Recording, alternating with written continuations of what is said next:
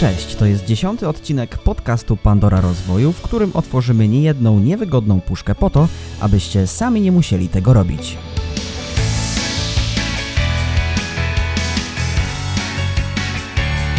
Dzisiaj porozmawiamy o tym, dlaczego warto budować zaufanie na płaszczyźnie sprzedawca-klient oraz z jakich technik ma skorzystać sprzedawca karmy dla psów i fryzjer, aby zarabiać więcej.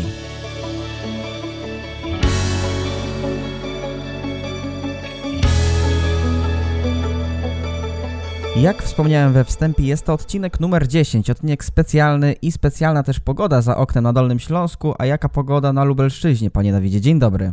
E, dzień dobry. No wiesz, w całej Polsce jest śnieżyca, w całej Polsce mamy zaspy, lodowiska na drogach. Nie wszyscy wiedzą, ale, ale generalnie takiej zimy to już dawno nie pamiętam. I, i być może młodzi ludzie, którzy nas słuchają, to dla nich te, taka zima to jest coś nowego, bo przez ostatnie tam chyba z 10 lat to nie pamiętam, żeby było aż tak długo i tak dużo śniegu albo i takie mrozy ale za takich czasów, kiedy miałem x lat, naście, no to gdzieś były nawet takie mrozy pod minus 20, były sanki, były dupoloty, bo to tak się nazywało, więc mnie się taka pogoda podoba, bo przypominają mi się takie stare, fajne czasy, kiedy to jednak człowiek był e, troszeczkę w innym miejscu niż jest dzisiaj. Mhm. Ja też żałuję, że takich pogody na święta nie było Bożego Narodzenia w grudniu. Przynajmniej u znaczy, mnie. Ja myślę, ja myślę, że można było tu przeramować i powiedzieć, że święta po prostu są złej daty. One powinny być trochę później.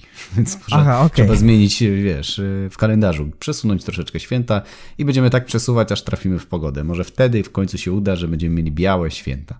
Super, tak by było wspaniale dla mnie.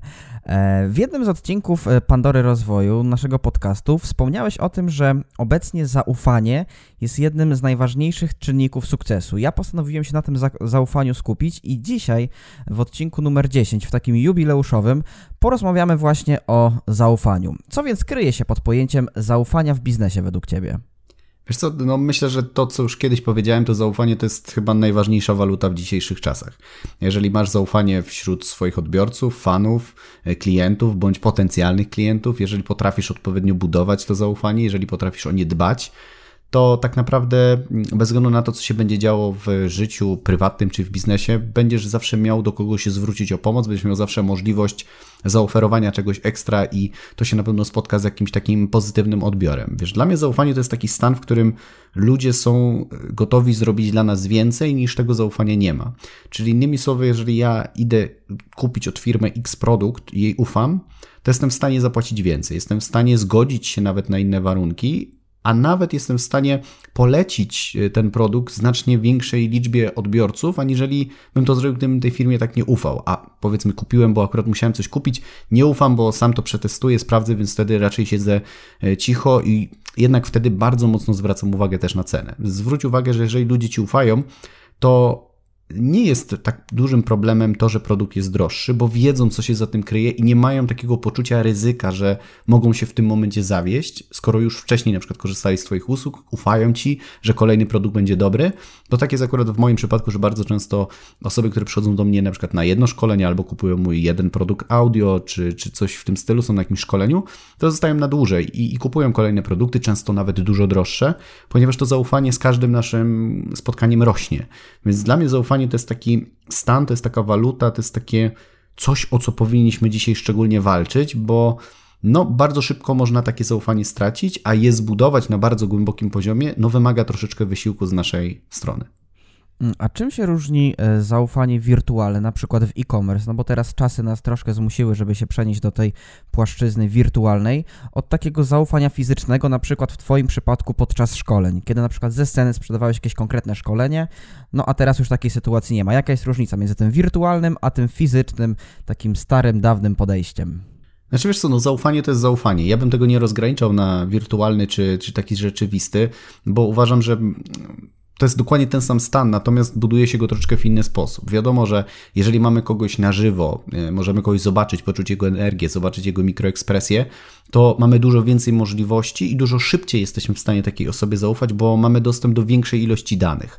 W sytuacji, kiedy mówimy o internecie, no to jednak mm, wiemy, że możemy przerobić zdjęcia, możemy dłużej zastanowić się nad tym, co chcemy komuś odpisać, możemy napisać post, który oczywiście będzie w odpowiedni sposób budował zaufanie, ale wszyscy wiedzą, że to może być przygotowane i, i, nie mamy takiego szerokiego spektrum i nie możemy tak bardzo poczuć człowieka, jak w przypadku spotkania jeden na jeden, więc w internecie według mnie zaufanie budujemy troszeczkę dłużej e, i trudniej, bo już ludzie są troszkę czujni, już są też przewrażliwieni, już dużo widzieli w internecie, jak można e, manipulować treścią i w jaki sposób można tak budować przekaz w internecie, żeby mm, to było tak odebrane, jak my chcemy, żeby było odebrane.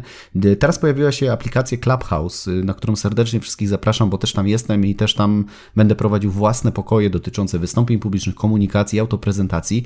Więc jeżeli ktoś z Was posiada w tym momencie iPhone'a, być może jeżeli będziesz słuchał tego podcastu za jakiś czas, to mm, również będzie to na Androidzie, ale na ten moment trzeba zdobyć zaproszenie i, i zapraszam na Clubhouse. Tam, co ludzie zauważyli w kontekście zaufania, że tam nie jest tylko zdjęcie, tak jak na Instagramie, tam nie jest tylko opis, który przygotujesz, ale tam się rozmawia. Tam, jeżeli nie masz nic konkretnego i rzeczowego do powiedzenia, jeżeli nie potrafisz się wysłowić, jeżeli nie potrafisz odpowiadać na pytania, nie potrafisz się zaprezentować w fajny sposób, to niestety, ale nic tam nie ugrasz, bo, bo tam jest jednak bardzo szybka weryfikacja tego, czy ktoś rzeczywiście wie, o czym mówi, czy tylko udawał, że wie. I teraz y, według mnie ta platforma będzie zbierała rzeszę ludzi, którzy rzeczywiście będą mieli bardzo duży pokład takiego, takiej wiedzy merytorycznej, technicznej bądź jakiejś fachowej, gdzie będzie można się dzielić, a przy okazji budować to zaufanie z odbiorcami właśnie przez internet, ale na dużo głębszym poziomie, aniżeli robi to Facebook, czy, czy Instagram, czy inne platformy, gdzie już ludzie taki mają, wiesz, troszeczkę dystans do tego wszystkiego, bo tych reklam, tego wszystkiego, live'ów, tego jest tak bardzo dużo. I myślę, że Clubhouse jest taką platformą, która może w dużym stopniu zrewolucjonizować podejście do zaufania, w tym właśnie w tej materii takiej bardzo wirtualnej, bo jednak czujemy, że ten człowiek jest blisko. Oczywiście nie tak jak na żywo, bo go dalej nie widzimy, nie możemy zacząć jego ekspresji, ale jednak w głosie, kiedy na żywo sobie dyskutujemy w większej grupie, kiedy możemy zadać pytanie, to jest to zupełnie ciekawy pomysł i ciekawy koncept, więc, więc na pewno będę śledził ten projekt. A propos Clubhouse'u, chciałem dopytać o inne aplikacje społecznościowe, bo e, w jaki sposób to wygląda od e, zaplecza? Jak to wygląda zakulisowo? Czyli która aplikacja pozwala zbudować przedsiębiorcy najlepsze zaufanie w stosunku do klienta? Czy masz jakiś swój ranking, jakąś, jakąś hierarchię aplikacji, z których korzystasz i które możesz polecić słuchaczom? Znaczy wiesz co, no mnie się wydaje, że trzeba być obecnym we wszystkich możliwych aplikacjach i korzystać z różnych form z tego względu, że każda w jakimś tam stopniu zbuduje nasze zaufanie. Jeżeli będziemy mieli ładny profil na LinkedInie, no to wiadomo, że ta część bardziej biznesowa zobaczy, że jesteśmy, że mamy rekomendacje, że osoby nam tam udzieliły mm, jakiejś opinii, że jesteśmy dobrzy, więc, więc ta sfera bardziej biznesowa na LinkedInie, na Facebooku, jeżeli zobaczymy, że wokół nas nie są tylko suche liczby w postaci, nie wiem, 15 tysięcy fanów na Facebooku, a powiedzmy jest duże zaangażowanie, bo to też polecam zawsze zweryfikować, bo lajki można bardzo szybko kupić i jeżeli osoby o tym nie wiedzą, to można to szybko zweryfikować. Natomiast jeżeli ktoś ma realnych fanów i to są ludzie, którzy podążają za daną osobą, na przykład w mediach społecznościowych, to to się odzwierciedla też zaangażowaniem pod postami w postaci komentarzy, y, ilości reakcji pod postem, częstotliwości dodawania postów i to można szybko zweryfikować, czy tej osobie można zaufać, bo jeżeli dużo osób podąża i rzeczywiście angażuje się w rozmowę, to widocznie te osoby już w jakimś stopniu tej osobie ufają i może to być jakiś wskaźnik, oczywiście nie taki w 100%, że ty już możesz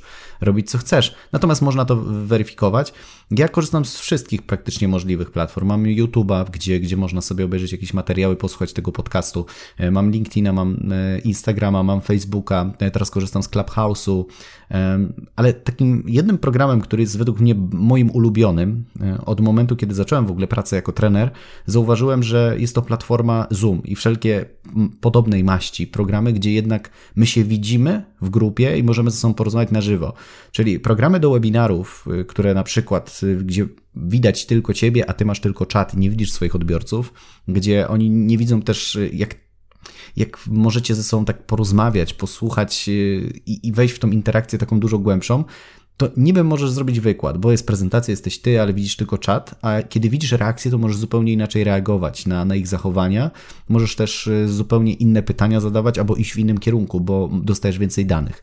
Więc ja sobie tak bardzo ukochałem, to jest takie fajne słowo chyba, które mm, mówi taki mm, trener fitness, y, nie pamiętam jak się nazywa, taki mały, skoczny, wesoły, ukochać się.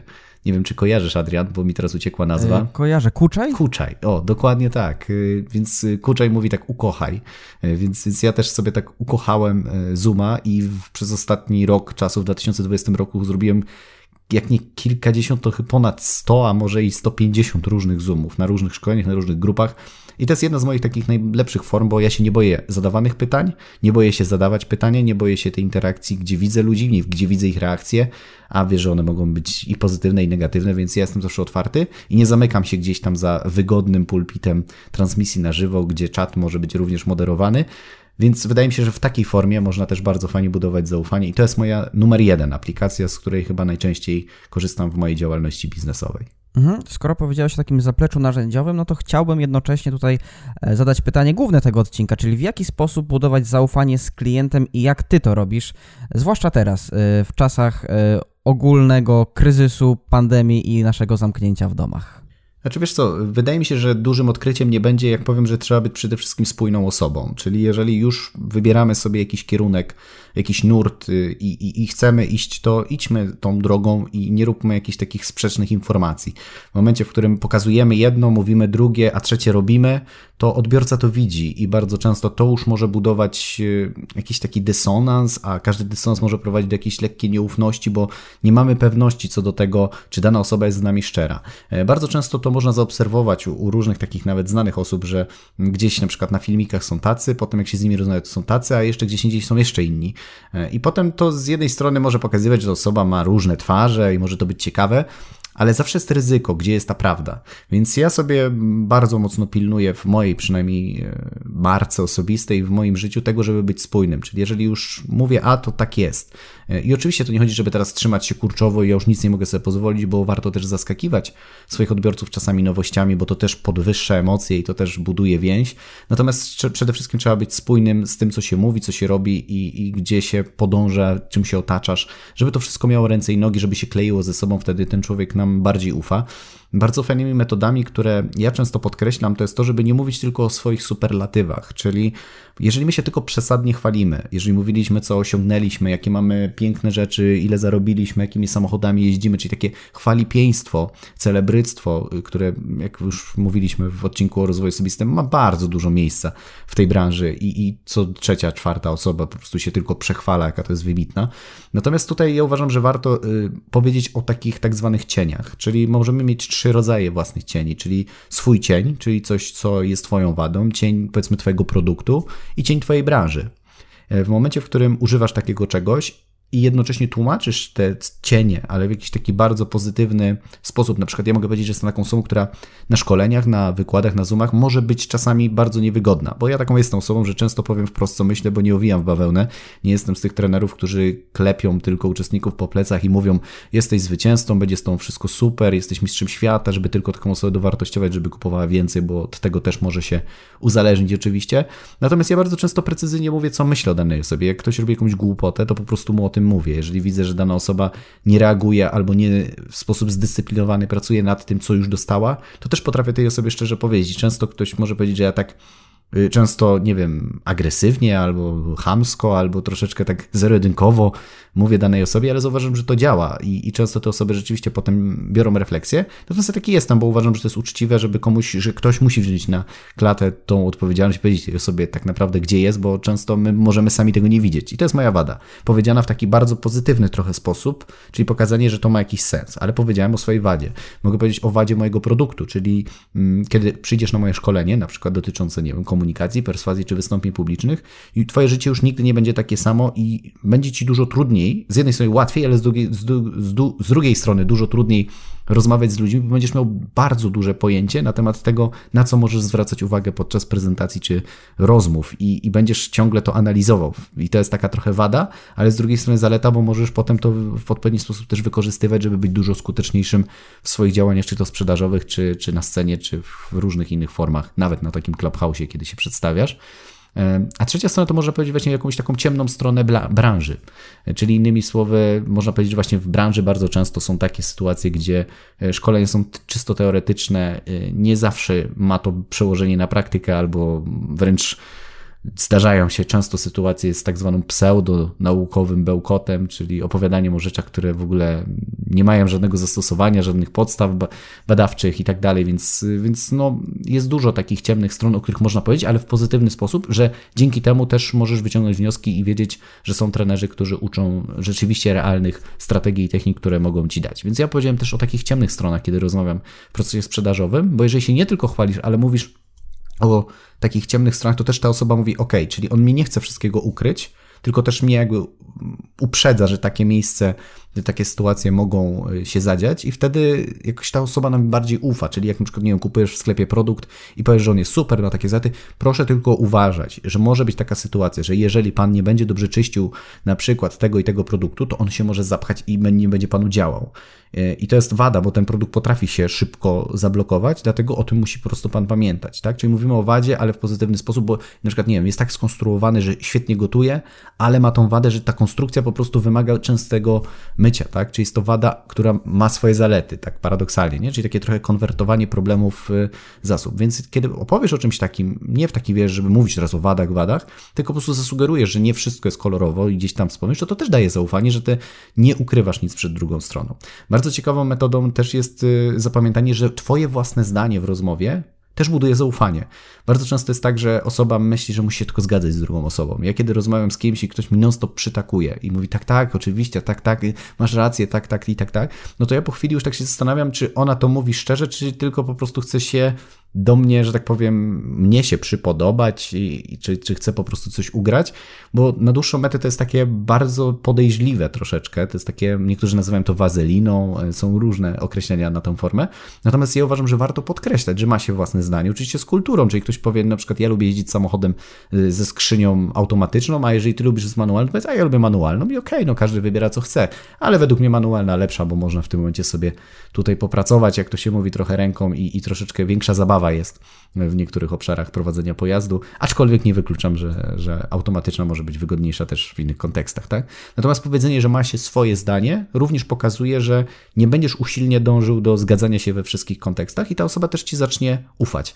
I co jest jeszcze ważną techniką, bo wiesz, tych metod, technik na budowanie zaufania jest naprawdę dużo, mógłbym tutaj przez wiele, wiele godzin opowiadać, e, to jest przewidywalność. Czyli innymi słowy, Ludzie lubią wiedzieć, co się wydarzy za chwilę, jaki jest proces, czyli można też przygotować taką osobę na to, jak będzie wyglądała oferta, czyli w momencie, kiedy wysyłasz komuś ofertę i tutaj takim przykładem e, firmy, która bardzo mocno mi kupiła i którą, której ufam bezgranicznie i która przeze mnie też jest polecana naprawdę wielu, wielu ludziom. To jest firma Two Colors.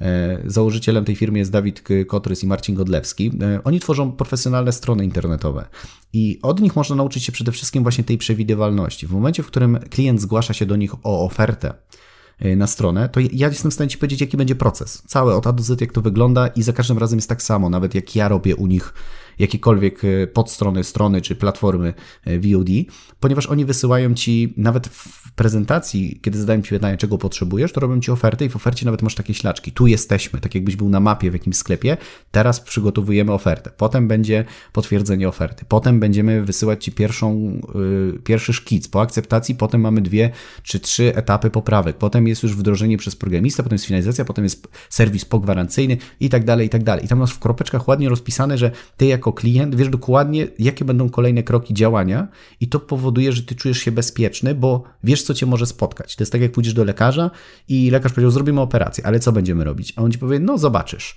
A jak ci lekarz powie mniej więcej, jak wszystko będzie wyglądało, to czujesz się bezpieczniejszy, bo jesteś w stanie mieć tą przewidywalność. I przewidywalność też można opierać na takich działaniach, które będą się powtarzać, bo na przykład, jeżeli ktoś jedzie do McDonalda e, i teraz ja wiem, że nie każdy je McDonalda, nie każdy, oczywiście my nie i, i tak dalej, natomiast tam jest pewnego rodzaju przewidywalność. Bez względu na to, w której części Polski pojedziesz na McDrive'a, to wiesz, jaka będzie procedura, czyli podjeżdżasz do jednego okienka, w drugim płacisz, w trzecim odbierasz. Wiesz, jaka, jaka będzie prawdopodobnie identyczny skład produktu, wiesz, jak on będzie działał, wiesz, jak będziesz obsłużony. I ta przewidywalność, pomimo tego, że ludzie mogą ocenić, czy to jest dobre jedzenie, czy nie, że tam jednak ludzie ufają. To jest takie mniejsze zło, jak to się mówi, że czasami pojedziesz do jakiegoś miejsca, którego nie znasz i niby mówią, że zdrowy burger, ale czasami lepiej jest zjeść w McDonaldzie, bo tam masz taką gwarancję, że to będzie na pewnym poziomie. I to też buduje bardzo mocno zaufanie, jeżeli w Twojej działalności są takie rzeczy stałe, takie, które e, Twój klient może regularnie u Ciebie widzieć i które będą się powtarzały i one też budują zaufanie, bo jeżeli ciągle wszystko zmieniasz, ciągle chcesz dawać coś nowego, no to nie ma tej takiej stałej, takiego szkieletu, na którym ten ktoś może oprzeć to zaufanie. Mhm, Okej. Okay. W takim razie pozwolę sobie podsumować, bo troszkę tutaj padło informacji, znaczy troszkę, mnóstwo informacji padło. E, po pierwsze to szczerość rozumiana jako autentyczność i spójność. Po drugie mieliśmy te cienie, czyli jest swój cień, cień produktu i cień branży, e, które służą temu, aby otworzyć się na klienta. E, następnie mamy podpunkt, że twoje własne zdanie buduje zaufanie, czyli nie bać się wyrażać własnego zdania. I czwarty punkt, o którym wspomniałeś, to przewidywalność, czyli żeby klient dobrze dobrze się czuł, wiedział z czym to się wszystko je. Też mi się przypomniało, że Apple ma też taką strategię, że dostajesz u nich produkty, one są zawsze ładnie zapakowane i niby są jakieś różne e, nowości w ich produktach, ale mimo wszystko za każdym razem na przykład przeniesienie danych ze starego iPhone'a do nowego jest banalnie proste, bo wystarczy to zbliżyć do siebie, tak samo z jednego MacBooka na drugiego i to jest wszystko takim łatwym procesem i jednocześnie wpadłem na taką metaforę albo analogię, jak to byś ty powiedział, że mm, budowanie zaufania z, zaufania z klientem jest wpuszczaniem go do swojego ogródka, a potem do domu. I jednocześnie tutaj mam pytanie, gdzie jest ta granica, do której możemy się dzielić informacjami z klientem, aby nie być y, odbierani jako zbyt narcystyczni albo egoistyczni, mówiący ciągle o sobie i chwalący się tą swoją autentycznością na zewnątrz?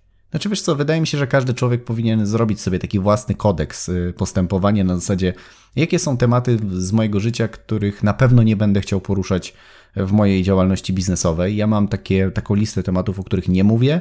E, jednym z nich jest, e, no i teraz powiem, e, co prawda, ale to są moje relacje prywatne, w takim sensie damsko-męskie. Ja raczej nigdy na Facebooku, bardzo rzadko, gdzieś jeszcze wiele lat temu afiszowałem się, że byłem w jakimś związku, czy partnerka i tak dalej. Niektórzy to wykorzystują do budowania zaufania, bo mówi się, że jak masz obrączkę, to wiesz, już jesteś bardziej odpowiedzialny i to też może budować. Są nawet badania, które potwierdzają, że może to zwiększać zaufanie.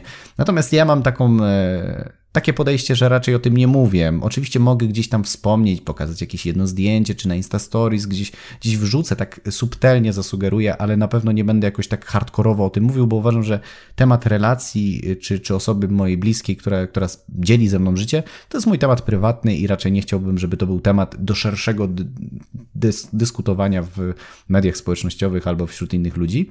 E, I mam taką listę tematów, których nie poruszam, aczkolwiek zachęcam ludzi do tego, żeby się otworzyli. W takim sensie, że intymność, czyli opowiedzenie czegoś takiego intymnego z Twojego życia, czegoś, czego nie widać na pierwszy rzut oka, a gdzieś tam w rozmowie, czy w webinarze, czy, czy w jakimś takim spotkaniu na Zoomie, czy nawet w rozmowie, jeżeli podzielisz się jakąś swoją taką historią osobistą, coś, co jest dla ciebie ważne, coś, co, co cię nauczyło, coś, co przeżyłeś i cię w jakiś sposób zmieniło, coś, co może zainspirować ludzi, też buduje zaufanie. Taka, mm, pokazanie takiej intymności również otwiera i te osoby też chcą się podzielić swoją e, jakąś historią, albo powiedzieć, że mieli podobnie, albo że mają podobne przemyślenia i to też buduje jeszcze większą więź, a co za tym idzie, to zaufanie też zdecydowanie rośnie. Więc ja bym e, raczej nie popadał w żadne skrajności, czyli nie, nie robiłbym tak, że przesadnie e, tylko się chwalę nie mówię o żadnych takich intymnych rzeczach, ale z drugiej strony też mm, nie zamykałbym się i jednak od czasu do czasu gdzieś tam bym wspomniał, bo ja często, jak wiesz, na swoich nawet zamkniętych Zoomach, jak mam swoich stałych klientów, to często opowiadam o jakichś takich swoich nawet prywatnych rzeczach, o jakichś takich swoich prywatnych potrzebach, czy fobiach, czy, czy jakichś takich sytuacjach, które są dla mnie ważne, a o których chcę się na przykład podzielić szerszym gronem, ale tak jak wspomniałem, mam listę tematów, których nie będę poruszał i to jest moja świętość. Jak ktoś mnie o to pyta, to mówię nie, i asertywnie po prostu nie poruszam i to też mi daje taki komfort, takie poczucie bezpieczeństwa. Być może za parę lat mi się to zmieni, nie wiem. Na ten moment uważam, że to jest dobre, żeby każdy sobie sam odpowiedział, czy chce. Bo tak jak ja mam w jakichś tematów, że nie chcę, dla kogoś może to być ok i to jest, wiesz, nie ma czegoś takiego, że jest jakiś obowiązek, bądź nakaz, bądź zakaz. Każdy wybiera to dowolnie tak, żeby był ze sobą, tak jak powiedziałem, spójny i żeby czuł się z tym dobrze, bo ludzie to widzą. Jeżeli ty się nie czujesz z samym sobą dobrze, to oni już mogą mieć jakieś podejrzenia, że coś tu jest nie tak. Więc jeżeli ty czujesz się sam ze sobą, ze swoim działaniem ok, to to też y, ludzie odbierają bardzo pozytywnie, a co za tym idzie, też szanse na to, że ci będą ufać, są znacznie większe. Mhm. No i teraz nadszedł taki czas y, w tym odcinku podcastu, aby otworzyć puszkę Pandory, e, bowiem chciałbym zadać pytanie, które będzie się stricte dotyczyło Twoich tajemnych sztuczek marketingowych i sprzedażowych, bowiem kiedyś w jednym z odcinków wspomniałeś o tym, że lubisz chodzić do pewnego sklepu, w którym to ekspedientki wychodzą z zalady, aby dać ci własnoręcznie zakupy do ręki. No a jakie sztuczki sprzedażowe stosujesz w swoim biznesie, żeby wzbudzać zaufanie? Wiesz co, przede wszystkim e, tych sztuczek, bo to nawet nie są sztuczki, ale to jest pewnego rodzaju podejście do klienta. Jeżeli masz wiedzę psychologiczną, to wiesz, e, na co ludzie reagują pozytywnie. E, ja większość moich procesów sprzedażowych, i tu być może będzie rada dla konkurencji, załatwiam pod spodem. U mnie 80% biznesu nie jest w ogóle nigdzie widoczne. I to jest też mój taki sekret, który ja sobie mm, zauważyłem, że dużo lepiej mi się sprzedaje, kiedy mam ludzi w moich zamkniętych grupach, na moich zamkniętych Zoomach, z polecenia, z rekomendacji, w projektach, których tak naprawdę konkurencja nie jest w stanie w żaden sposób dostrzec, a to, co często pokazuje na zewnątrz, to to jest taka, wiesz, trochę flaga puszczona, że niby coś się dzieje, a tak naprawdę to nie ma żadnego znaczenia, że, że to akurat jest moim głównym celem sprzedażowym w danym kontekście, ale żeby było widać, że coś jest, bo wtedy też ludzie nie szukają za bardzo. Natomiast moją taką e, strategią to jest budowanie intymności z klientem.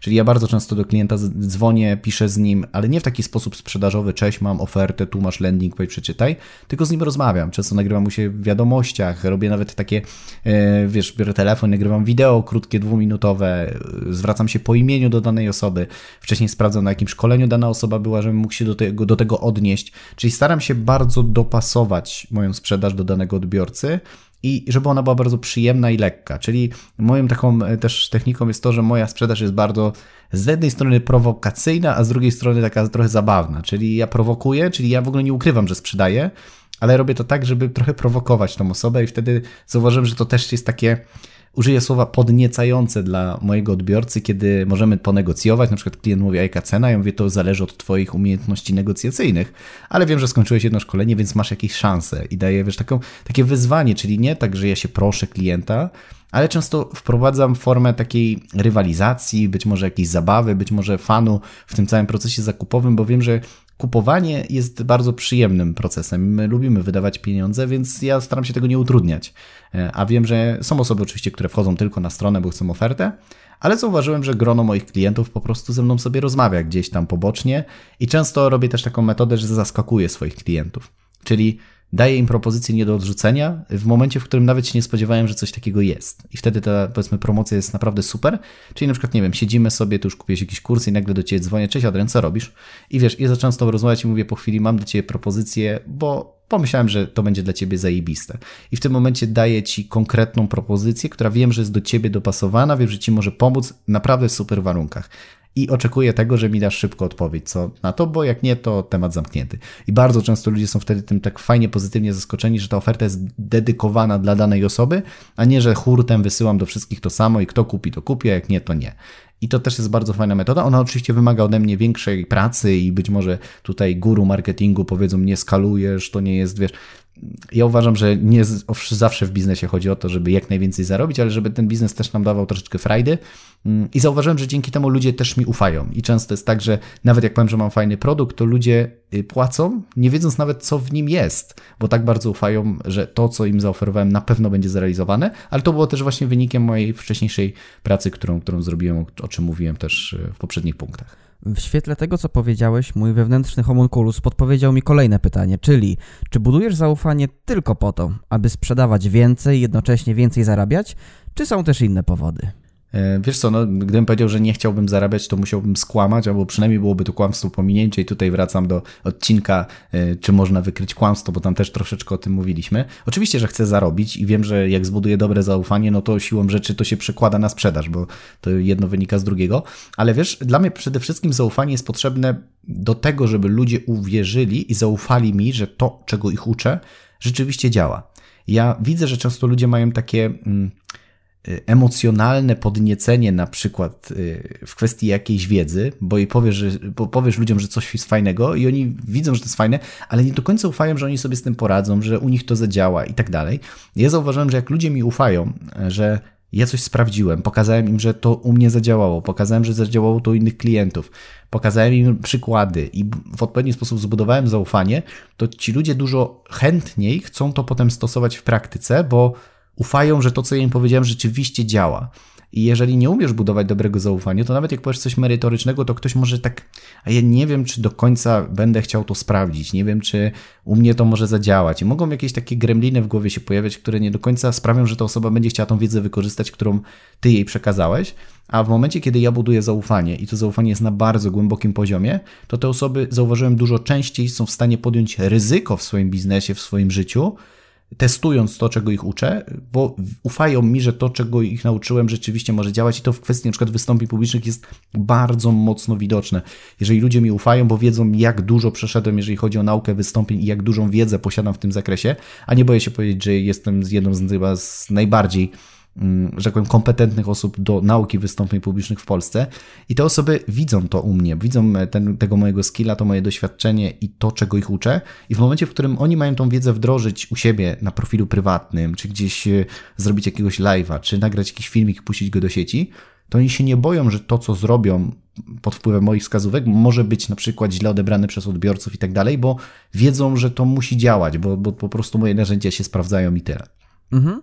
Też tak na samo zakończenie chciałem zadać pytanie bardzo praktyczne, a mianowicie, e, co byś doradził e, osobom, które prowadzą konkretne rodzaje działalności, o których zaraz wspomnę, ale w jaki sposób one to zaufanie mogą zbudować? Chodzi mi mianowicie o fryzjera, tudzież salon fryzjerski, sprzedawcę karmy dla psów na Allegro albo na swoim sklepie internetowym e, i jeśli chodzi też o księgarnię stacjonarną. Takie trzy branże i jakieś trzy krótkie porady dla tych właśnie branż. Wiesz co, no tutaj e, to jest tak bardzo rozbudowane pytanie, że trzeba było prześledzić cały proces, całą ofertę, yy, zbudowanie lojalności klientów i tak dalej. No w przypadku przykład zwierzaków, no to to jest istotne, że yy, tu mówimy o naszym pupilu, czyli kiedy sprzedajemy karmę, no to ona musi przede wszystkim wysokiej jakości, musimy poprzeć się na pewno jakimiś badaniami i pokazać, że yy, mamy różnego rodzaju certyfikaty, no bo to też buduje zaufanie, ale przede wszystkim zbudowanie jakiejś społeczności. Ja zauważyłem, że bardzo często jest tak, że jeżeli mm, twój klient kupił twoją karmę, e, ja na przykład widzę to po sobie i jego piesek jest zadowolony z tej karmy, nic mu nie jest i, i wręcz e, powiedzmy, cieszy się i mu bardzo smakuje, to ludzie ze sobą o tym rozmawiają. Czyli zbudowanie takiej lojalności i rekomendacji w przypadku zwierzaków jest to niezwykle ważne. Nawet ja, kiedy mam swojego pieska i wychodzę na zewnątrz, często spotykając różnych ludzi, mamy różne tematy, tak? Pytamy, a gdzie tam do weterynarza, a gdzie chodzisz, a jaka to zabawka, a co to za smycz, a co je, a jak się czuje, a gdzie się załatwia i tak dalej, i tak dalej. No mnóstwo różnych tematów i ludzie właśnie w ten sposób sprzedają, więc nawet nie tyle e, opowiadałbym, jaką to mam cudowną karmę, ale zadbałbym właśnie o zbudowanie społeczności wokół mojego produktu, to na pewno. Jeżeli chodzi o fryzjerów, to Uważam, że tutaj podejście i nastawienie, bo dla mnie fryzjer to nie tylko i wyłącznie y, fryzjer, ale to też bardzo często psycholog. Niektórzy mówią, że idą do fryzjera, żeby sobie porozmawiać, żeby się wyżalić i mam kilku znajomych fryzjerów, gdzie ta osoba, która siedzi i robi fryzurę, chce po prostu pogadać. Sam nawet miałem taki przykład, że chodziłem kiedyś do kosmetyczki, bo miałem problemy skórne i mój znajomy mi dolecił, żebym poszedł do kosmetyczki, która zadba o moją skórę, która odpowiednio dobierze mi krem, e, zbada to wszystko i żeby ta skóra rzeczywiście wróciła do normalnych torów.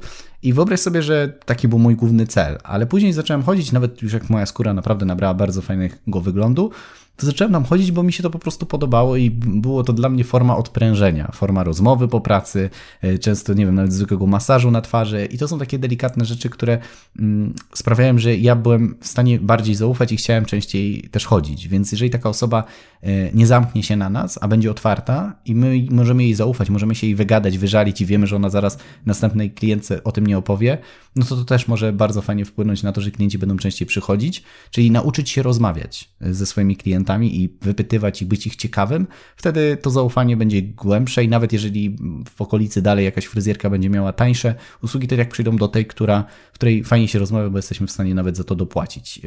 A trzecia branża, nie pamiętam jaka była, ale chyba coś z książkami, jeżeli dobrze pamiętam, tak? Tak, księgarnie stacjonarne. E, wiesz co, no ja myślę, że tutaj e, można podeprzeć się na przykład jakimiś autorytetami, czyli zapraszać jakichś znanych ludzi, którzy mogą robić jakieś takie wieczorki poetyckie albo jakieś krótkie wywiady. Wiem, że Empik bardzo często też e, tutaj zrobimy małe lokowanie produktu, robi takie spotkania autorskie, że są książki, można przyjść, spotkać znaną osobę, porozmawiać z nią i też jakoś wykorzystać jej autorytet do zbudowania naszego brandu. Więc jeżeli ktoś ma małą księgarnię, to zaprosić do współpracy jakichś ludzi, żeby oni też przeprowadzili swoją społeczność, bo w tym momencie wiadomo, że dzięki temu takiemu influencerskiemu podejściu możemy zbudować zaufanie. Oczywiście to są tak złożone procesy, że trzeba było tą firmę zobaczyć od początku, czy kolorystyka, czy w ogóle wszystko jest spójnie poukładane, w jaki sposób się obsługuje tych klientów, jak się z nimi rozmawia, jak się reklamuje, y, jaka jest polityka cenowa, to wszystko może mieć wpływ na zaufanie, więc tak w dużym skrócie to, co ja bym doradził, to to jest to, co powiedziałem.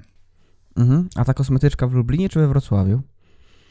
E, wiesz co, to była akurat kosmetyczka w Tychach. Wiesz, to były takie czasy, kiedy jeszcze mieszkałem na Śląsku w Tychach i powiem ci, że mm, to były bardzo fajne czasy, bo ja naprawdę nie mogłem się doczekać. Dwa razy w tygodniu chodziłem, e, płaciłem niemałe pieniądze e, wtedy, natomiast to było bardzo przyjemne i, i do dzisiaj wiele narzędzi, które otrzymałem od tamtej kosmetyczki stosuję do dzisiaj. E, jednym z takich tipów, który bardzo mocno ułatwia i to też mogę poradzić osobom, jest na przykład używanie ręcznika papierowego do twarzy zamiast zwykłego, ponieważ zwykły bardzo szybko się moczy, jeżeli wycieramy ciało na przykład pod prysznicem, a ręcznik papierowy do twarzy, bo wiadomo, że na tym ręczniku mogą być jakieś zarazki, mogą się tam różne bakterie zbierać, a jednak twarz jest bardzo narażona na różnego rodzaju czynniki zewnętrzne, typu wiesz, wiatr, teraz zimno i tak dalej. I jak się wycieramy też twarz tym samym ręcznikiem co ciało i potem ono jest wilgotne, potem on nie wyschnie dobrze i tak dalej, to potem przenosimy od razu na twarz e, te wszystkie zarazki, więc y, wycieranie twarzy ręcznikiem papierowym to jest mój nawyk już od wielu lat i działa. Naprawdę bardzo pomaga. O, to miła rada, bo też w tym pytaniu miałem swój interes, bo też tutaj chodziłem do endokrynologa, bo moja cera, szczególnie twarz, została wiele do życzenia, także chciałem się dowiedzieć, czy trzy, pobliżu... trzy kluczowe rzeczy, trzy kluczowe, tak abstrahując, jeżeli odchodzimy od tematu, trzy rzeczy, y, zażywanie bratek w tabletkach, mycie, przemywanie regularnie, znaczy nie tak regularnie, ale co jakiś czas y, rumiankiem y, twarzy, bo działa antyseptycznie i bardzo fajnie łagodzi wszelkiego rodzaju zmiany na twarzy. A trzecie to właśnie ręcznik papierowy. I y, przede wszystkim używanie różnej chemii w postaci naprawdę skomplikowanych żeli, bo im mocniej walczysz, tym ta skóra mocniej się broni. Tak ona mi to wytłumaczyła, czyli im więcej arsenału nakładasz na swoją twarz, nienaturalnego, tym większą obronę muszą, musi wykonać ta skóra, żeby walczyć sobie z tymi wszystkimi rzeczami, więc naturalne rzeczy, ręcznik, bratek i przemywanie twarzy rumiankiem takim zaparzonym. Bardzo fajnie działa, naprawdę. Mhm. Tu tutaj słuchacze będą zaskoczeni, nie dość, że wiele o biznesie, to jeszcze i o kosmetologii, i o skórze, i o cerze. No po prostu dzisiaj... Wiesz, ja, ja powiedziałem, że ja mam bardzo dużo różnych historii w moim życiu, doświadczałem różnych rzeczy, więc myślę, że ten podcast też będzie miał taką formę, że czasami gdzieś tam w trakcie opowiem jeszcze o czymś takim ekstra, bonusowym, co się dowiedziałem, a myślę, że dla niektórych ludzi może to być cenna wskazówka, taka niby mały detal, a może dzięki tej historii, może dzięki temu, że się podzieliłem intymną historią, że chodziłem do kosmetyczki jako facet w młodzieńczych latach, no będzie też spowodowało, że słuchacze mi bardziej zaufają przecież. No właśnie. Ja też y, mam taką moc y, sprawczą, bo ja zadaję tutaj pytania, więc ja też mogę sprowadzić tą dyskusję na pewne tory i też swoją korzyść z tego podcastu wyciągnę na pewno. A to był y, dziesiąty odcinek Pandory Rozwoju. Przypominam o tym, że podcastu możecie słuchać na różnych platformach streamingowych, m.in. Apple Podcast, Spotify, Google Podcast, a także na innych nieco mniej znanych platformach streamingowych, ale e, wcale nie są gorsze przecież. No i także przypominam o tym, że możecie dołączyć do grupy na Facebooku Podcast Pandora Rozwoju, społeczność słuchaczy, na której to już mamy pierwsze e, propozycje tematyczne. Nie wiem, czy widziałeś, Dawidzie, ale pierwsza propozycja to Stage VR. Co się dzieje z projektem, jak powstał pomysł, a druga propozycja e, co, co tutaj jest za druga propozycja? Czy warto palić mosty za sobą, czy nie palić mosty i jak się dogadywać po rozstaniu, na przykład jakimś biznesowym, ale też jeśli chodzi o relacje prywatne. Takie dwa tematy tutaj zaproponowali słuchacze. Reflektujesz na któryś? E, wiesz co, no sprawdzimy na grupce dokładnie co tam jest i wybierzemy taki, który będziemy rozwijać. E, myślę, że e, im więcej takich propozycji będzie, tym też łatwiej nam będzie wybierać kolejność tych tematów, bo na pewno będziemy chcieli każde poruszyć, jeżeli jest takie zapotrzebowanie.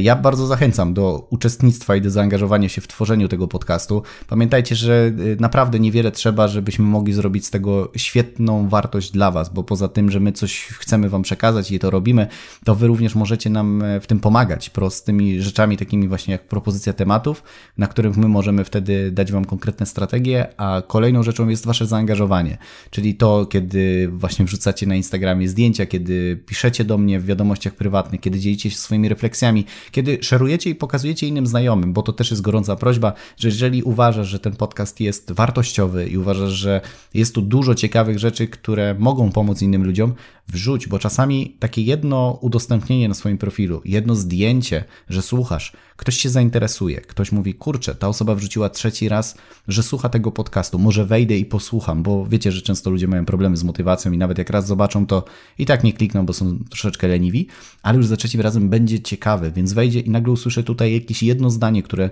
akurat też może Tobie się spodobało i zmieni jej życie, bo naprawdę dostaję czasami takie wiadomości, które przechodzą ludzkie pojęcie i to mnie bardzo motywuje do tego, żeby nagrywać, realizować kolejne odcinki, bo wiem, że to może naprawdę pomagać ludziom, bo tutaj nie mówimy tylko i wyłącznie o jakimś takim bełkocie e, rozwojowym, a opieramy się raczej na takich rzetelnych informacjach, na moich własnych doświadczeniach, których było naprawdę masa. Jak już pewnie słuchasz dziesiąty odcinek, a mam nadzieję, że to nie jest jedyny, tylko że przesłuchać wszystkie, to wiesz, że staram się opierać na bardzo takich konkretnych technikach, narzędziach, doświadczeniach, które rzeczywiście mogą realnie wpływać na to, co robicie. I zapraszam, powtórzę już tak ostatni raz, na Clubhouse, na którym na pewno będziemy tam też rozwijać społeczność. Więc jeżeli chcesz być częścią tego wszystkiego, co robię, będę Ci wdzięczny z całego serca, ponieważ Twój sukces będzie moim sukcesem. Fantastycznie. E, ja przesłuchałem 10 odcinków, e, które nagraliśmy kilkukrotnie nawet i wszystko potwierdzam to, co Dawid powiedział w ostatnim zdaniu. E, I coś jeszcze na koniec chciałbyś dodać, Dawidzie? Oczywiście, pamiętajmy, że musimy być e, świadomi, po prostu bądźmy świadomi swoich zachowań, emocji, życia, tego co nas otacza. Bądźmy świadomi, jak budować zaufanie, a o tym było właśnie w tym odcinku. Dokładnie tak.